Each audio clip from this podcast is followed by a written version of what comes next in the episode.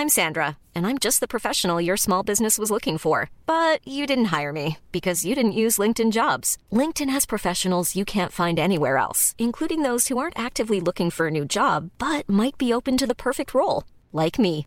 In a given month, over 70% of LinkedIn users don't visit other leading job sites. So if you're not looking on LinkedIn, you'll miss out on great candidates like Sandra. Start hiring professionals like a professional. Post your free job on linkedin.com/people today.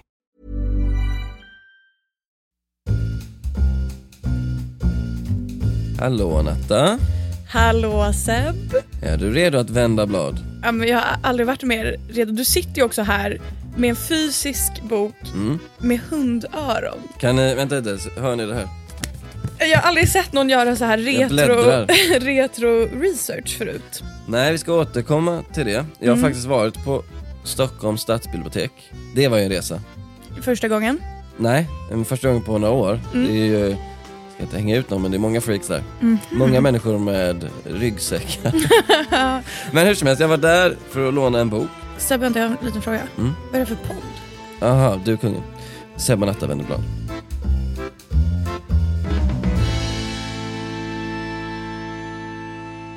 För idag ska vi nämligen prata om den här boken. Ingrid Björnberg, eh, hennes bok Dagbok från Haga och Stockholms slott. Känner du till den? Eh, nej, ingen bok som jag har läst. Nej, eh, vi ska prata om Ingrid Nenne Björnberg. Vet du vem hon var? Ja, Men jag har eh, liksom en vag, eh, vag, vag, vag bild. Och Det är den, bild, den vaga bilden, vad, vad framträder i den konturerna så att säga? En klassisk liksom, kvinna. Kungen och eh, Hagasessorna, hans systrar, alltså deras eh, barnflicka. Ja. Men det är verkligen allt jag vet om den här kvinnan. Född 1913, avliden 1994. Så hon var några år äldre än, mig. Som du, det framgick igår att du trodde att jag var född 1973. Ja, men det är det här med tid och rum bara, det har inget med dig att göra. Inget fel om man född 1973. Nej. Men det skulle innebära att jag var nästan 15 år äldre än vad jag faktiskt är. Så jag blev lite stött. Äldre än Kanske min egna mamma också. ja, eller din mamma, exakt. Eh, ja, det, så, om ni hör ett, ett passivt aggressivt tonfall när jag pratar med Natta så ja, ni hör rätt helt enkelt. För jag är lite, lite stött. Hur som helst, tillbaks till den gode Ingrid Nenne Björnberg. Vi kommer kalla henne Nenne eh, konsekvent här. För det var det hon kallades av familjen. Eh, hon fick det smeknamnet av prinsessan Desiree, en av Hagasessorna. Varför kallades hon Nenne, Nenne, Nenne? Tror du? Ja, men för att hon inte kunde säga Ingrid eller något. Nej, eller det vet jag inte men... eh, Varför sa du, varför sa du hennes namn fyra gånger på rak? Nej, jag vet inte, okej, för, för att jag råkade komma till punchline för tidigt. För att, så här, hon brukade skälla på Desiree och säga nej, nej, nej, nej, nej. Jaha, Så det var ett kärleksfullt smeknamn. jag blev så jä- jag trodde för en sekund att det var du som hakade en- upp dig på något sätt. Jätteobehagligt. Hon började arbeta för eh, kungafamiljen 1938 när hon var 25. Det var först tänkt bara som ett eh, sidojobb, ett tillfälligt jobb. Vad jobbade hon med? Vet du det? Vad hon jobbade med samtidigt? Nej, alltså hon ville eh, plugga på Socialhögskolan. Hamnade här, tänkte jobba här några år, gå vidare. Så blev det inte. Hon jobbade här hela sitt vuxna liv i princip. Och hennes yrkesroll förändrades under tiden, vi ska komma in på det. Eh, när hon anställdes då, då jobbade hon åt prins Gustav Adolf och prinsessan Sibylla. Prins Gustav Adolf, det är alltså vår kungs pappa, som dog i en tragisk flygolycka 1947, när kungen bara var ett år gammal. Eh, när hon anställdes fanns det tre prinsessor födda, Margareta, Birgitta och Desiree. Och sen skrev hon den här boken 1975.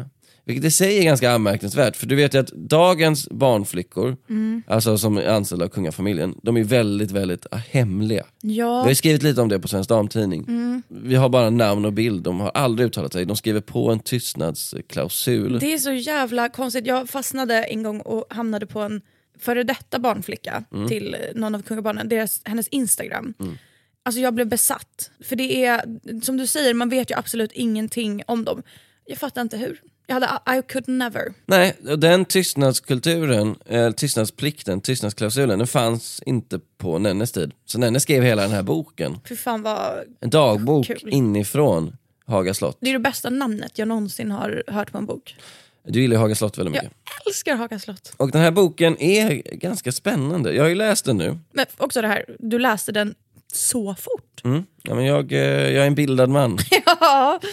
Ja, Jag kan Jonas Gardell, jag kan Viven, jag kan lite av, av allt möjligt. du har läst allt. jag har läst allt och jag har brutit ut det jag tycker är mest spännande i den här boken. Jättekul. Som, som jag inte heller...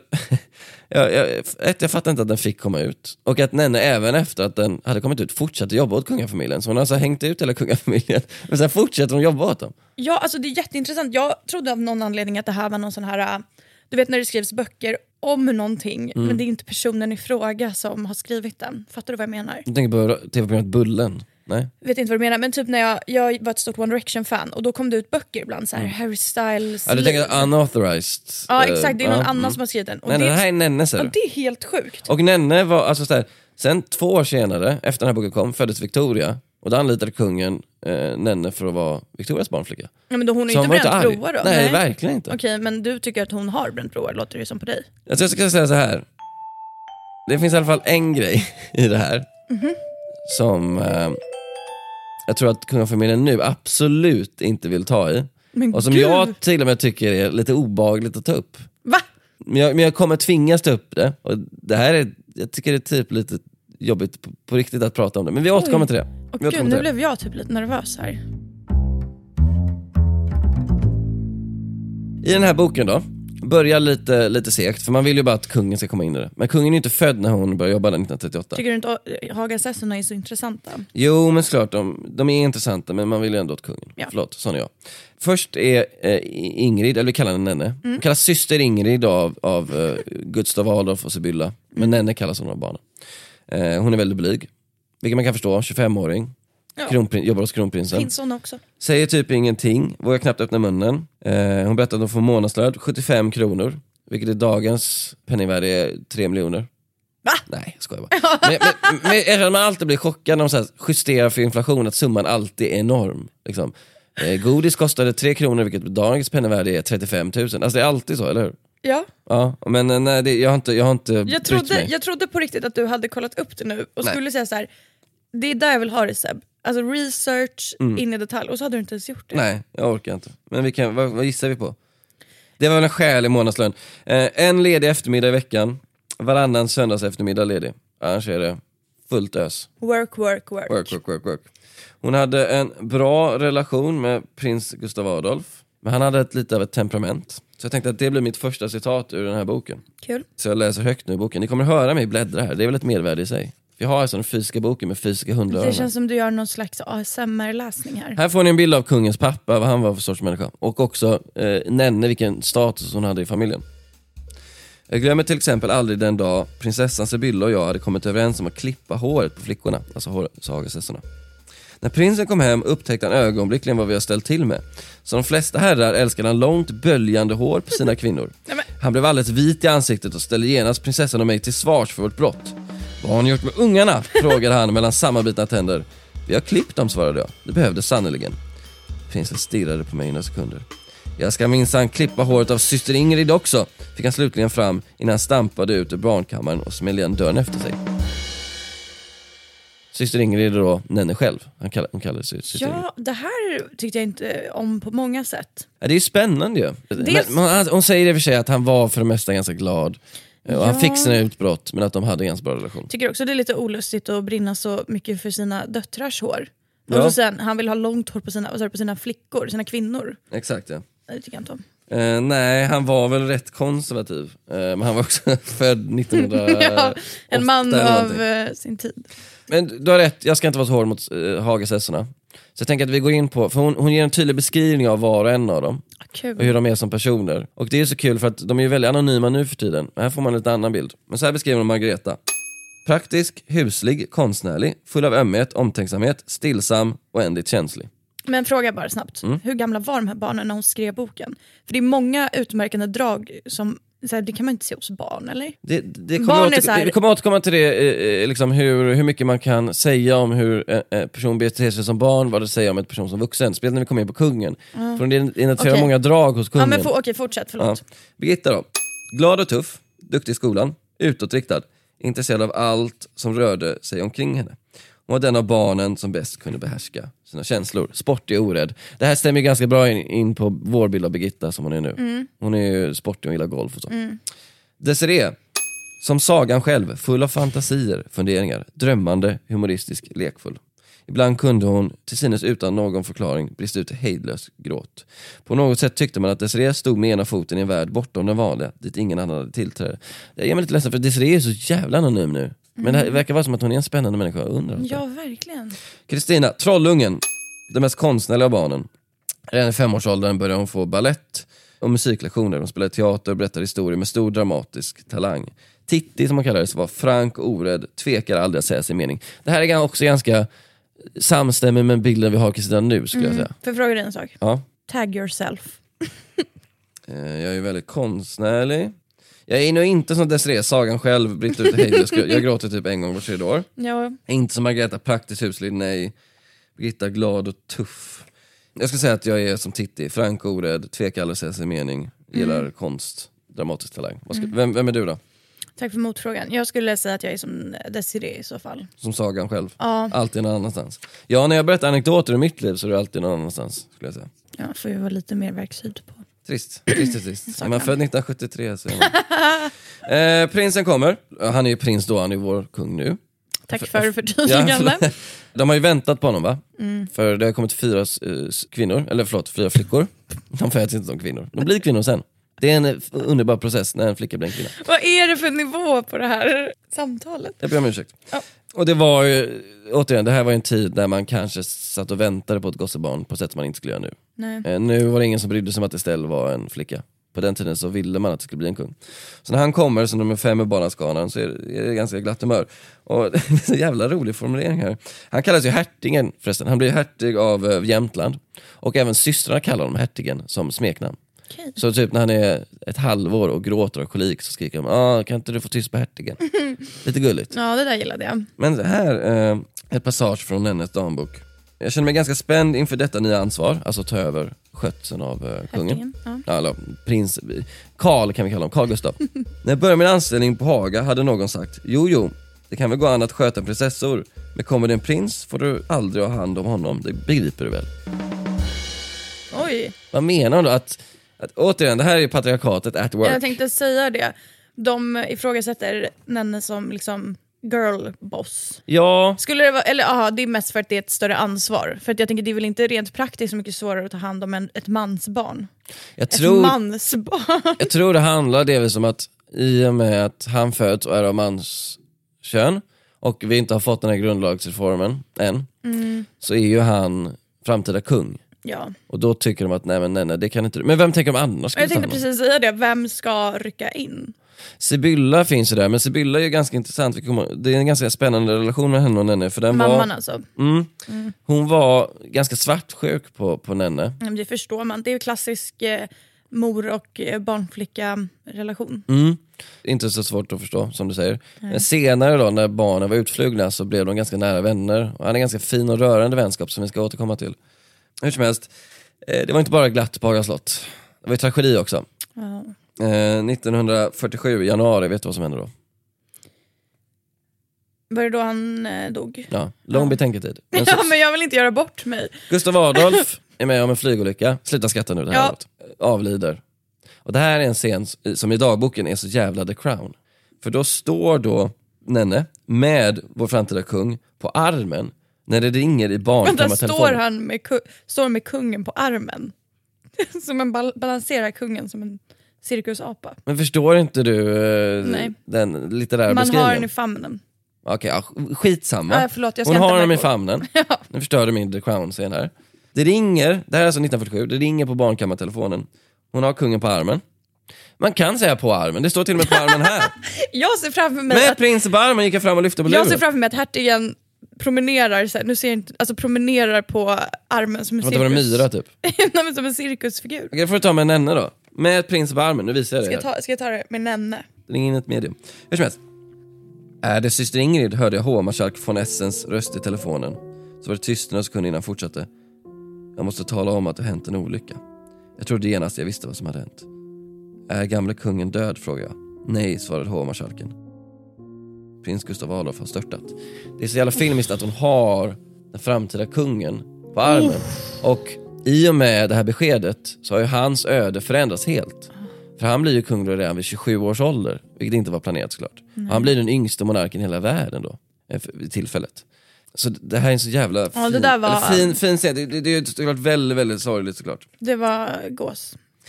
Och också gås när man läser eh, scener i boken, för faktum är så här att på nyåret 1947 så hade hon bestämt sig för att sluta Nenne. Hon skriver så här, alltså en månad innan det händer. Ja. Jag var nästan 35 år gammal och snart skulle det vara för sent för mig att börja på något nytt. Nu var jag faktiskt tvungen att säga upp mig. Och så hände detta. Och då känner hon så här. Det fick gå hur det ville med min utbildning. Behövde prinsessan ha mig kvar så skulle jag stanna. I så fall fick barnen på Haga bli min livsuppgift. Den arbetsmoralen, they don't make them like this anymore. Nej, okej. Är det fint eller är det... Ska jag säga, hon ger ju upp hela sitt liv för det här. Mm, ska jag säga vad jag ärligt kände? Ja, det ska du. Då kände jag så här, nu passar det. Vad menar du? Nu när han blev kung.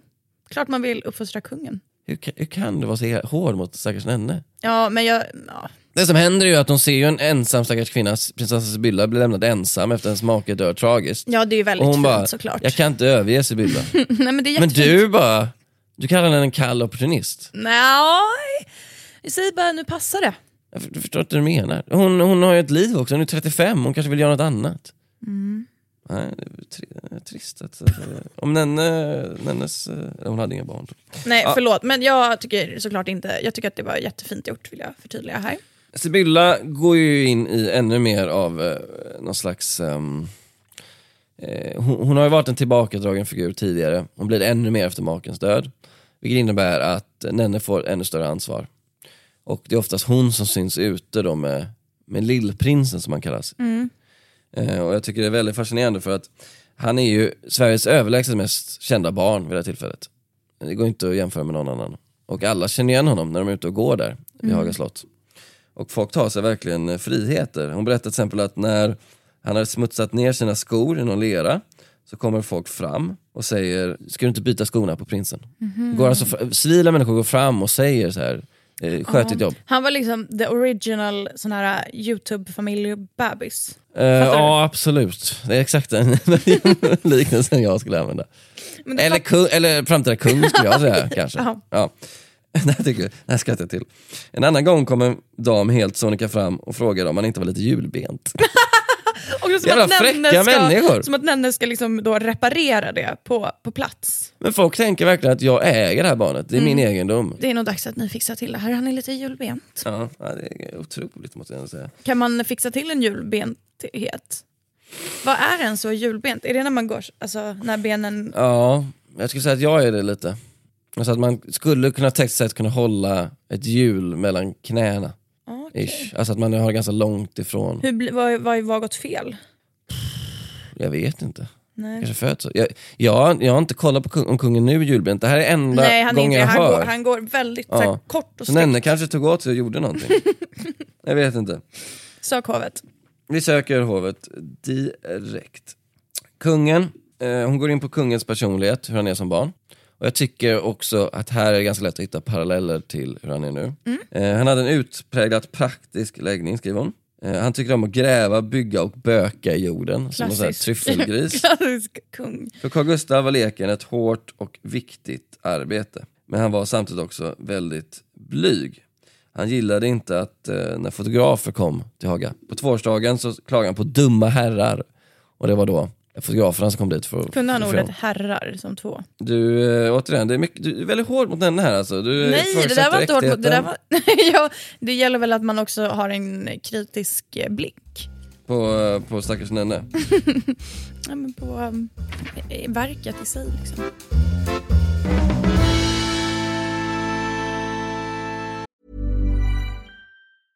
This is Paige, the co-host of Giggly Squad, and I want to tell you about a company that I've been loving, Olive and June. Olive and June gives you everything that you need for a salon quality manicure in one box. And if you break it down, it really comes out to $2 a manicure, which is absolutely insane. It's also so easy to get salon worthy nails at home with Olive and June. The difference between how your nails used to look when you did them yourself and now with the Manny system is a complete game changer. The best thing about Olive and June too is it's a quick dry. Dries in about one minute, lasts for five days, and full coverage in up to one to two coats. Visit oliveandjune.com slash perfectmanny20 for 20% off your first system. That's oliveandjune.com slash perfectmanny20 for 20% off your first system. System. Planning for your next trip? Elevate your travel style with Quince. Quince has all the jet setting essentials you'll want for your next getaway, like European linen, premium luggage options, buttery soft Italian leather bags, and so much more. And is all priced at 50 to 80% less than similar brands. Plus, Quince only works with factories that use safe and ethical manufacturing practices. Pack your bags with high-quality essentials you'll be wearing for vacations to come with Quince. Go to quince.com slash pack for free shipping and 365-day returns. Och nu kommer vi då, eller frågan är om vi ska spara det här fruktansvärda.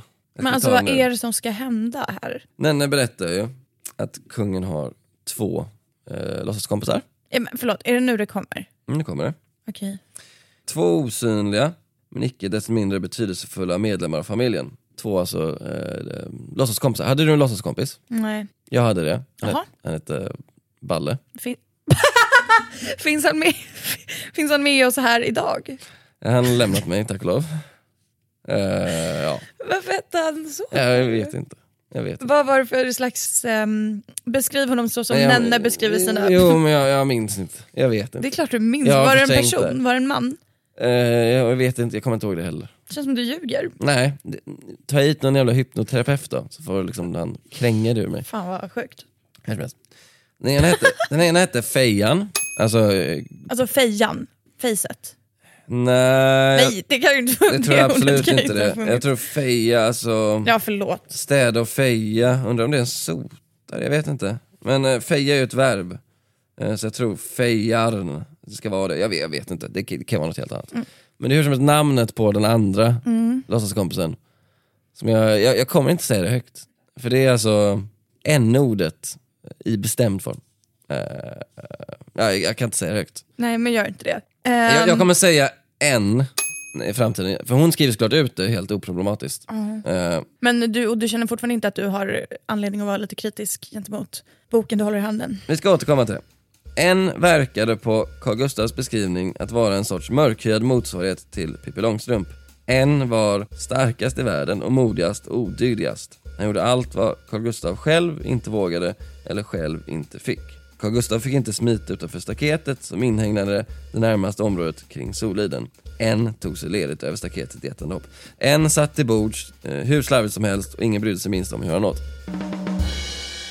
När jag kom till det här så, jag hickade ju till ju. Ja. Och jag funderar på ett tag på att eh, det är svårt att ta upp det här för att så här, man vill inte försvara bruket av det här ordet. Samtidigt måste man sätta in det i en kontext. Alltså det här är ju sent 40-tal, eh, tidigt 50-tal. Det ordet var ju inte tabu då. Och heller var ju synen på svarta människor i Sverige var ju extremt präglad av en slags exotism. Alltså man Ja. såg svarta människor som nästan ett, ett, ett, ett väsen. Ja men liksom- kanske att jag reagerar då på att man hade kunnat redaktöra den här boken i efterhand. Ja. Eller så här, det, för det hade ju inte behövt eh, komma ut. Det känner ju ingen nytta. Det här är också så här, vet folk om det? Jag tror inte riktigt folk vet Jag, det. Det jag känns som att nu skulle du faktiskt kunna... inte det. Jag, jag är Nej. så här, får det här, alltså, Får, får Ska vi också breaka det här? Barnflickan som får kungen cancelled. alltså du läser ju ur en bok som finns Det här, på... Stockholms stadsbibliotek, Ja. finns på fler bibliotek. Det finns här, det är ute här. Hur, hur känns det när du hör det här? Man, man blir lite, uh. Jag tycker att det är ju, jag vet inte, det är svårt att trampa... Det är svårt att vara för hård mot kungen, han är ett litet barn. Ja, eh, ja, ordet jag- jag- används I, i svensk press vid den här tiden, på svensk tv. eller Jag står TV fast vid att jag tycker men att eh, vid tillfället Radio. när den här boken skrev, 1975, ja jag tycker det faktiskt var att man... efter Black Power. Det var efter, Exakt, liksom. och då tycker jag faktiskt att även om, om det var så att det här var smeknamnet på kungen, Mm. så behövde ju inte det. Det är ju inte liksom jätteviktigt för historien. Så där tycker jag att hon hade kunnat hitta på ett annat namn. Det är också en sån grej som att hade det här kommit fram att prins Charles hade, Men det, är det, det är ju... då alltså, hade det blivit en megaskandal tror jag. ja.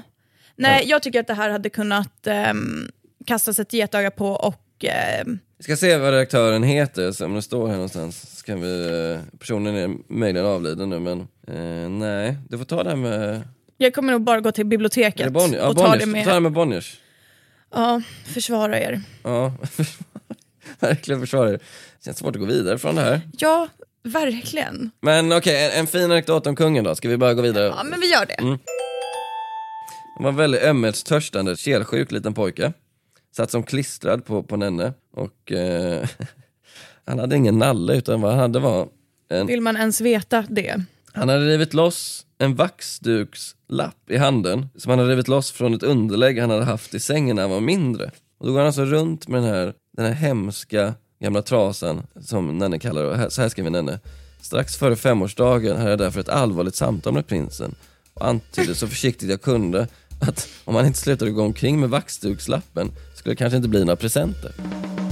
Så han går alltså runt med en liten Ja, alltså nu har jag...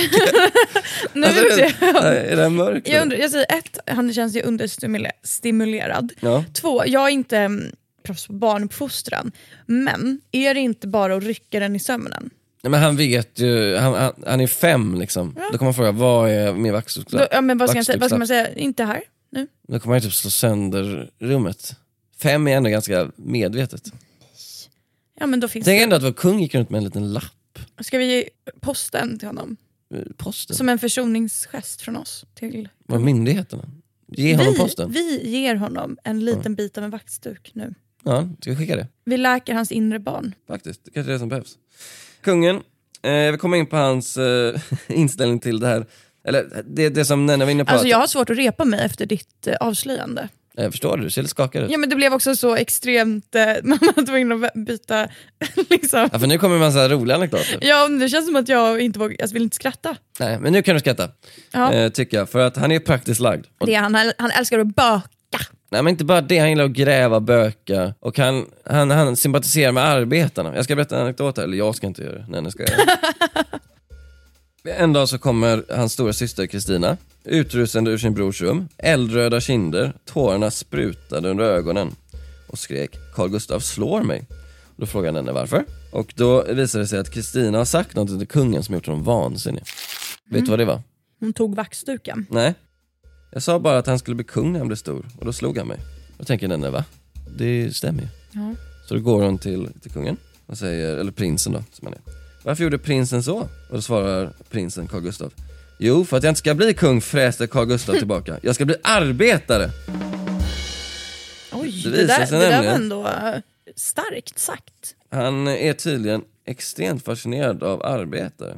Han eh, tvingar, när de är ute och går på stan, så tvingar han henne att stanna upp varje gång det är typ gatu eller tunnelbanearbeten. Vilken Han- jävla sorg då att han inte får göra det idag. Han säger också så här, när han var, när han, det här sa han då när han var, vad är han, fem. Det, det är synd om arbetarna som jobbar så där långt under jorden, sa han en dag med fundersam min. De borde ha mer betalt.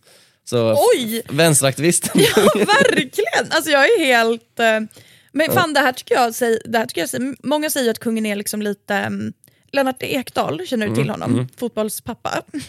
ja kanske mest känd som det, absolut. Han- absolut. Han var med Efter fem häromdagen eh, och liksom hade ett väldigt utspel mot kungen och tyckte att han inte var lämplig för att han är så himla stiff typ. Och obekväm och lite så här. Han borde stå och gräva. Jag, jag kan inte orden exakt. Men precis, det är ju för att han, han vill ju jobba på MTR typ. Och han var besatt av så besatt av det att det till och med blev bråk. Eh, för han stod, han, snart, det här läser jag ur hennes bok då.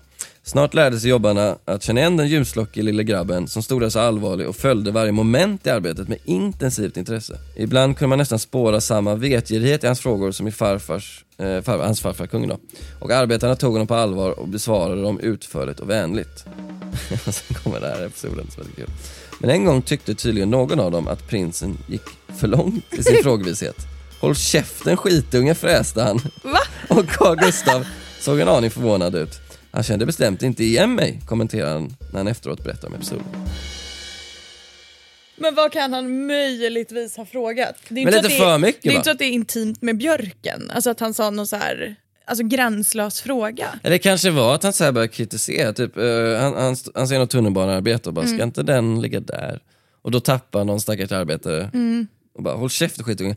Tror vi att den här killen, mannen som skriker här, visste att det var en prins? Alltså han om han visste det så, Då är det punk ju. ja exakt, jag tror inte att det är inte heller jätte, det är väl de som, det är väldigt lätt att vara emot liksom, monarkin och vad den står för. Om man står där nere i tunnelbanan. Men kungen blir inte arg, för tydligen, han, han föredrar det här, eh, så här skriver Nenne. Trots sina unga år märkte han mycket väl när folk fjäskade för honom avskydde det hjärtligt. Och det tycker jag man kan märka nu också, att han gillar inte riktigt inställsamma människor. Han gillar nog mer rejäla, men typ som när, du vet när Mikael Ljungberg Eh, brottaren vann oskuld.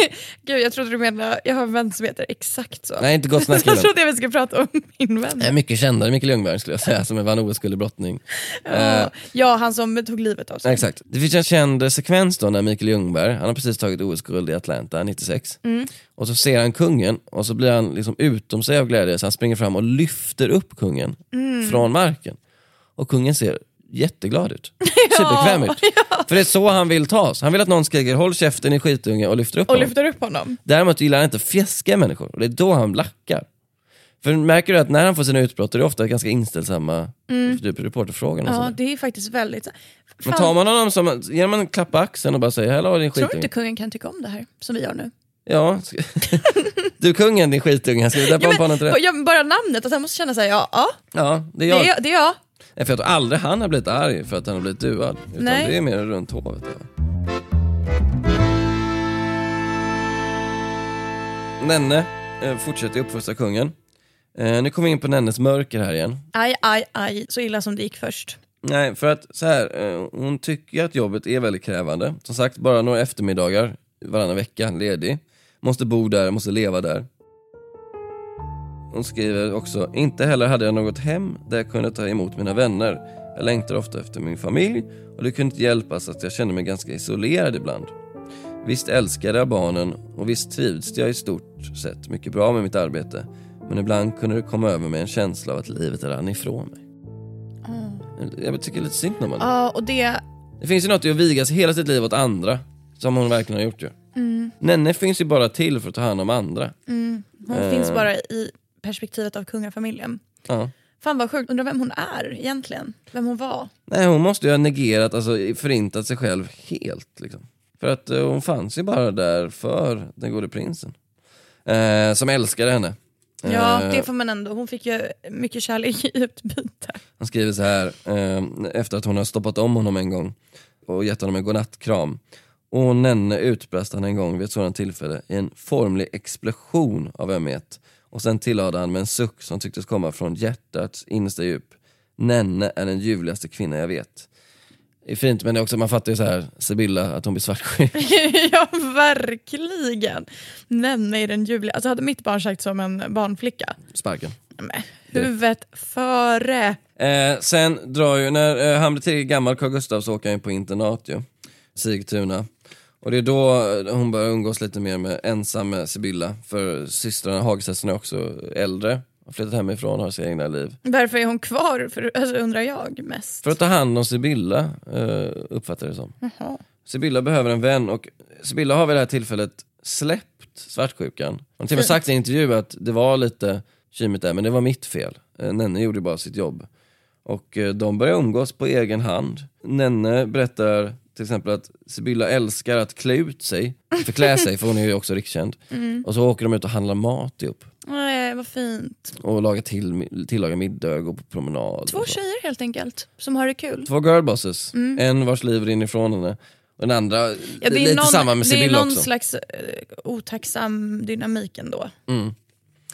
Det är väl berättelsen om Nenne eh, och kungen. Han beträder tronen vid 27 års ålder. Hon är väldigt nervös för hans skull.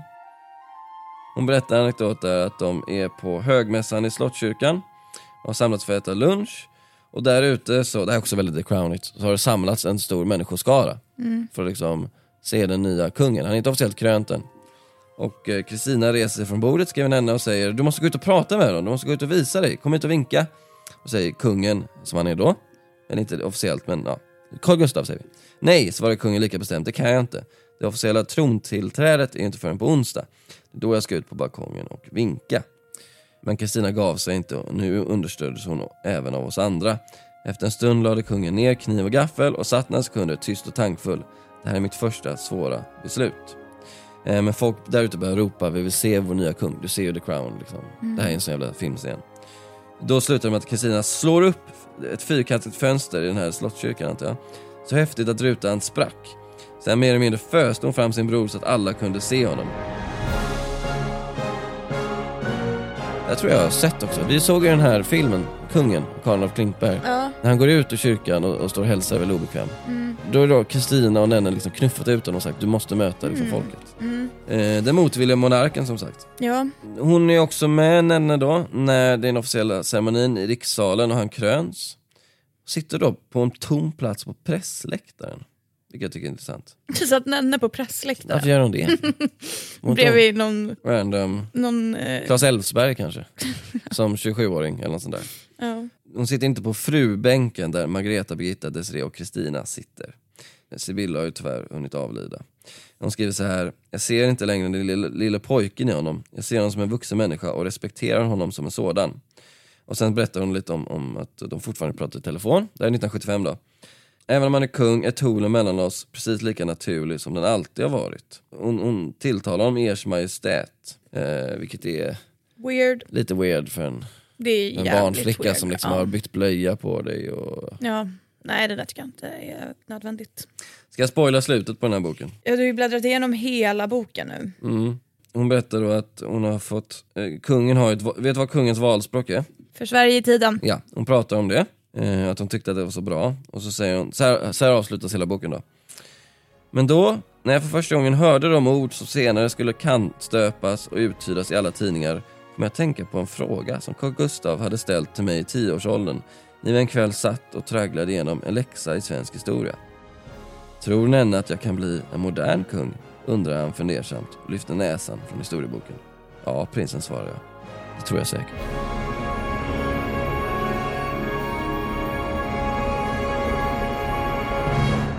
Också ganska The Crownigt. Ganska bra. Vet du vad jag känner nu när du har läst den här? Man skulle ju vilja göra en sån här äh, Alex Schulman kvartalgranskning på det här. Vad tror du är fake då? Ja, men Det där jag, sista. jag säger ingenting men jag säger bara så här. Jo, nu, nu då har du sagt A så får du säga B. Okej, Vad är påhittat då? Håll käften skitunge. Jag tror att det är svårt att komma ihåg så här mycket Alltså det, som du, du har ju sagt 15 gånger, det här är the crown, det här är the crown. The crown, vad är, genomsyrar det? Jo men det är mycket fiktion. Så är det. Det blir inte så bra i verkligheten. Jag tycker ändå så här, det är en ganska sorgligt bortglömd bok. För att jag har ju tagit de bästa bitarna som jag ser det. Eh, Eller vissa grejer som jag också... en grej som jag... Jag kan inte riktigt få in den i större historia, men som var en sån bra bild, det var när prinsessan Desiree fattade att hon hade legat i sin mammas mage. Hon sa usch vad äckligt, bland ma- massa kött och potatis. Jag fick en så jävla äcklig bild av det. Det var faktiskt jätteäckligt. Alltså, som att så här, barnet simmar runt bland massa så här ja, det var färdigtuggade... skitäckligt. Jag kunde liksom inte få in det i historien, men det var en jävla bra men det var bild. bra att du sa det nu. Ja. Men jag vill bara tillägga att jag påstår inte att den här boken är falsk. Nej. Det skulle jag aldrig göra. Men man blir ju nyfiken på att veta hur mycket som är lite krydd. Alltså, det, och det respekterar jag bara. Det blir bra innehåll. Mm. Alltså boken blev ju bra, men man undrar verkligen. Det är många så one-liners som känns... ehm, Många dialoger liksom. Mm. mm, man blir nyfiken. Mm, jag fattar vad du menar, samtidigt tycker jag att Men man ska vem, ta sig jag tycker alltid man ska skruva, ja verkligen, jag tycker att man ska göra det. Så det är ingenting jag ställer mig emot om det nu är så. Du hör att jag försöker vara väldigt Mm. eh, diplomatisk här. Vad tror du, för i och med, jag vet inte om hovet fick granska den här boken på förhand. De, Ja, de då, var ty- har de, då kanske de slöläser den lite eller? vad tror du de hade velat ta bort? Um, låtsasfiguren, låtsaskompisen.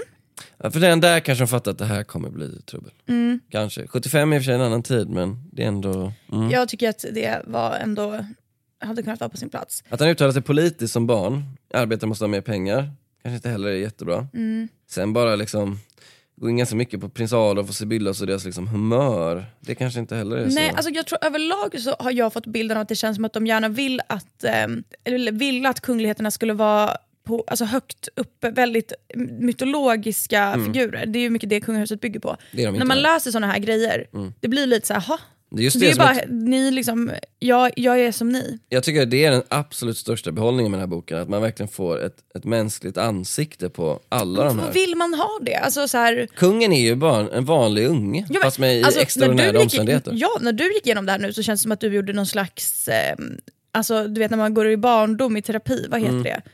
Alltså man lockar fram gamla minnen. Ja, det känns som att du verkligen gick igenom varför kungen är den han är idag. Jag tycker också det. det. Det finns det här praktiska, att han föredrar det praktiska. Det är därför han också eh, kör runt traktor nu liksom, och vill vara bonde. Han har till och med sagt att han vill vara bonde. Kör han traktor nu? Ja det gör han. På Stenhammar. Jaha, Han har, han har köpt en traktor för några år sedan bara, till exempel. ja, men grattis till köpet. Eh, också det här blyga, Mm. att ogilla uppmärksamheten. Eh, Såg vi den som barn. Att han inte tycker om när det, liksom är, när det ska hålla på eh, vad ska man säga, eh, kromas omkring honom, vara lite fjäskigt, vara lite du, du, du, utan han vill ha det rejäla. Raka rör. Ja, när han blir arg på någon, det är inte att de skriker håll käften till honom eller något sånt där. Eller att eh, någon slår honom eller något sådär, Nej. något annan unge i skolan, utan han blir arg när folk håller på att särbehandla honom. Ja. Så det är uppenbarligen, här, här, han visar ändå att han inte är 100% Dock vill bekväm jag, med sin dock roll. vill jag säga så här. Hade, säg att det är någon slags, um, kungen är på någon, något offentligt uppdrag i nutid, kommer någon reporter som säger så här. Du kungen! Mm. Jag tror inte han säger någonting. Jo, jag tror inte att han hade tyckt om det. Jag tror att det där är en sån grej som man han tänker att så här, jag vill bli behandlad som alla andra. Men hade han blivit behandlad som alla andra så ja, fanns svårt att se att han hade Men Mikael besvarat det. Ljungberg som springer fram. Och när Peter Jihde Men sen det är så här, samma... grejen är att det är också en OS, han älskar ju sport, det är en OS-medaljör, det är liksom en annan femma. Jag tror inte att han är så... um, Alltså att han verkligen, han vill ju inte jobba som sagt på MTR. Nej, kanske inte. Jag Han kanske bara har en bild av det. Ja, jag tror att han trivs väldigt, han vet ju inte heller hur det är. Han trivs nog väldigt bra med att vara så, men det är väl klart att det lockar. Vad får du för bild av uh, Ninne då? Ninne, Förlåt, Nenne. Vad fick jag Ninne? Otroligt. nu tänker jag på när du sa nej, nej, nej. Nej, vad får du för Ehm, bild av Nenne då? Jag får bilden... alltså- Oerhört älskad av Ja, kungafamiljen. men, ja, och med rätta. Ja. Det måste man ju bli om man har offrat hela sitt liv åt en annan familj. Ja. Ehm, alltså, Du är inte så positiv va? nej, alltså så här. Det är Berätta. ju jobbigt att tala om folk som har lämnat jordelivet så här. Mm. Det är något med att utelämna så här mycket detaljer om liksom... Men vi ska vara glada att hon gjorde det i och för sig. Ja men jag, jag är Mm. Men du glad. tycker det är lite fult? Nej men inte fult, men jag känner bara så här. ska man inte ligga lågt? Jag är ju en förespråkare av noll integritetssamhället, alla ska veta allt om alla. Mm. Så här, om man, om man ska bli liksom, eh, högtidlig kan man säga att de nästan har en demokratisk plikt att berätta om det här. Men för, om för det är ingen det här- vanlig familj. Nej, men det, här, det här är liksom, kungafamiljen är ju vår, eh, jag ska inte säga egendom, men liksom våra företrädare. Ja men det håller jag helt med om, att det råder ju andra, liksom, Mm. det är en helt annan regelbok. Så att jag säger inte det här ur, nå- ur någon slags demokratisk eller så, alltså, utan jag känner bara som barnflicka, så känner jag bara, om jag var... Mm. Dålig stil? Ja men ja, lite så här. Okej. Eller? Trist att du känner så. Ja men du, jag har kollat på en dokumentär. Ja, har du det? ja, det har jag. Vad heter den? Den heter typ The Norland Nannies eller något, vet du vad det är? Eh, nej. Det är, I Storbritannien så har de som ett så här, gymnasieprogram som är typ tre år, eller efter gymnasiet. De utbildar barnflickor som typ, men, brittiska kungafamiljen får sina barnflickor därifrån. Och massa kändisar. Och jag blev eh, som vanligt besatt av det här och gick in på de här Norland Nannies, deras Instagram. Ja. Alltså integriteten liknar inget annat. Till och med familjer som de inte har längre. De liksom är så försiktiga. De säger ingenting. Det var trist, jag avskyr sånt. Jag, avskyr folk med men- hög integritet, förlåt. Ja. Jag vill att alla ska vara öppna böcker. Likt eh, Nenne då. Ja, men, och då, då har ju du och Nanne verkligen Nenne skulle gärna få vara, om hon levde, vara min barnflicka och sen skriva en bok. Mm. Jag skulle älska det. Jag skulle vilja ha en Norland nanny i så fall. Jag vill ha det till mina barn. Och, eh, Jag har inga skriv till oss vad ni lyssnare vill ha. Eh, Vilken nanny ni vill ha. Vad är det för jävla ämne? Alltså, är det här någon slags mammapodd? Eller? når de oss? Skriv till oss, ni hittar oss på Twitter och Instagram. Nej, nej inte mig. Jag gillar inte så, sånt där. Ja, i- i- sök upp Natta var ni än Nej, nej, nej. hittar henne. Så hörs vi nästa gång. Och glöm inte, för Nenne. För Nanne. Tack för allt.